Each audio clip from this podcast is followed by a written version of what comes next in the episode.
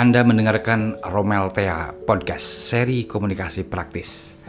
Di episode sebelumnya saya sudah berbagi dengan Anda tentang pengertian komunikasi, pengertian jurnalistik, pengertian media. Nah, kali ini saya akan berbagi dengan Anda tentang pengertian public speaking. Nah, public speaking ini belum ada padanan kata yang tepat dalam bahasa Indonesia karena di kamus baru ada pidato, orasi, presentasi, siaran begitu dan itu termasuk public speaking. Umumnya public speaking ini diterjemahkan dengan istilah berbicara di depan umum. Public itu kan artinya umum, orang banyak.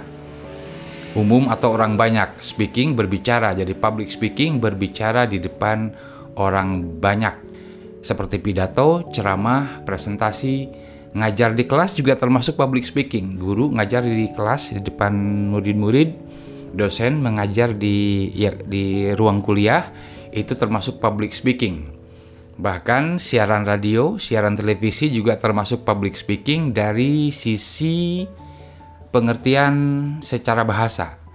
Ketika kita berbicara kepada orang banyak, maka itu termasuk public speaking. Public speaking sering didefinisikan sebagai proses atau tindakan aksi melakukan pidato kepada audiens hadirin secara langsung di sebuah tempat, di sebuah ruangan ataupun di ruang terbuka. Jadi tadi seperti saya katakan, public speaking sering diterjemahkan sebagai berbicara di depan umum. Juga disebut pidato atau orasi. Public speaking ini merupakan komunikasi lisan yang melibatkan 3V. Pada saat kita public speaking, tiga unsur akan terlibat di dalamnya yaitu visual, vokal, dan verbal. Nah, banyak orang yang takut public speaking. Disuruh kasih eh, sambutan siun, nggak mau disuruh pidato nggak mau disuruh berbicara. Bahkan ketika rapat ketika diskusi siun.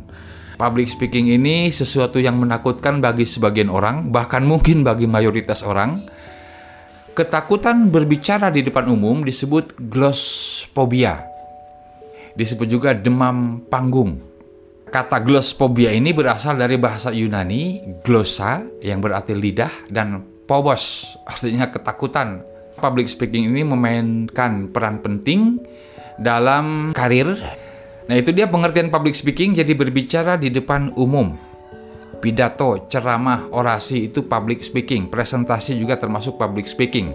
Demikian pengertian public speaking. Saya Romel Tea, sampai jumpa.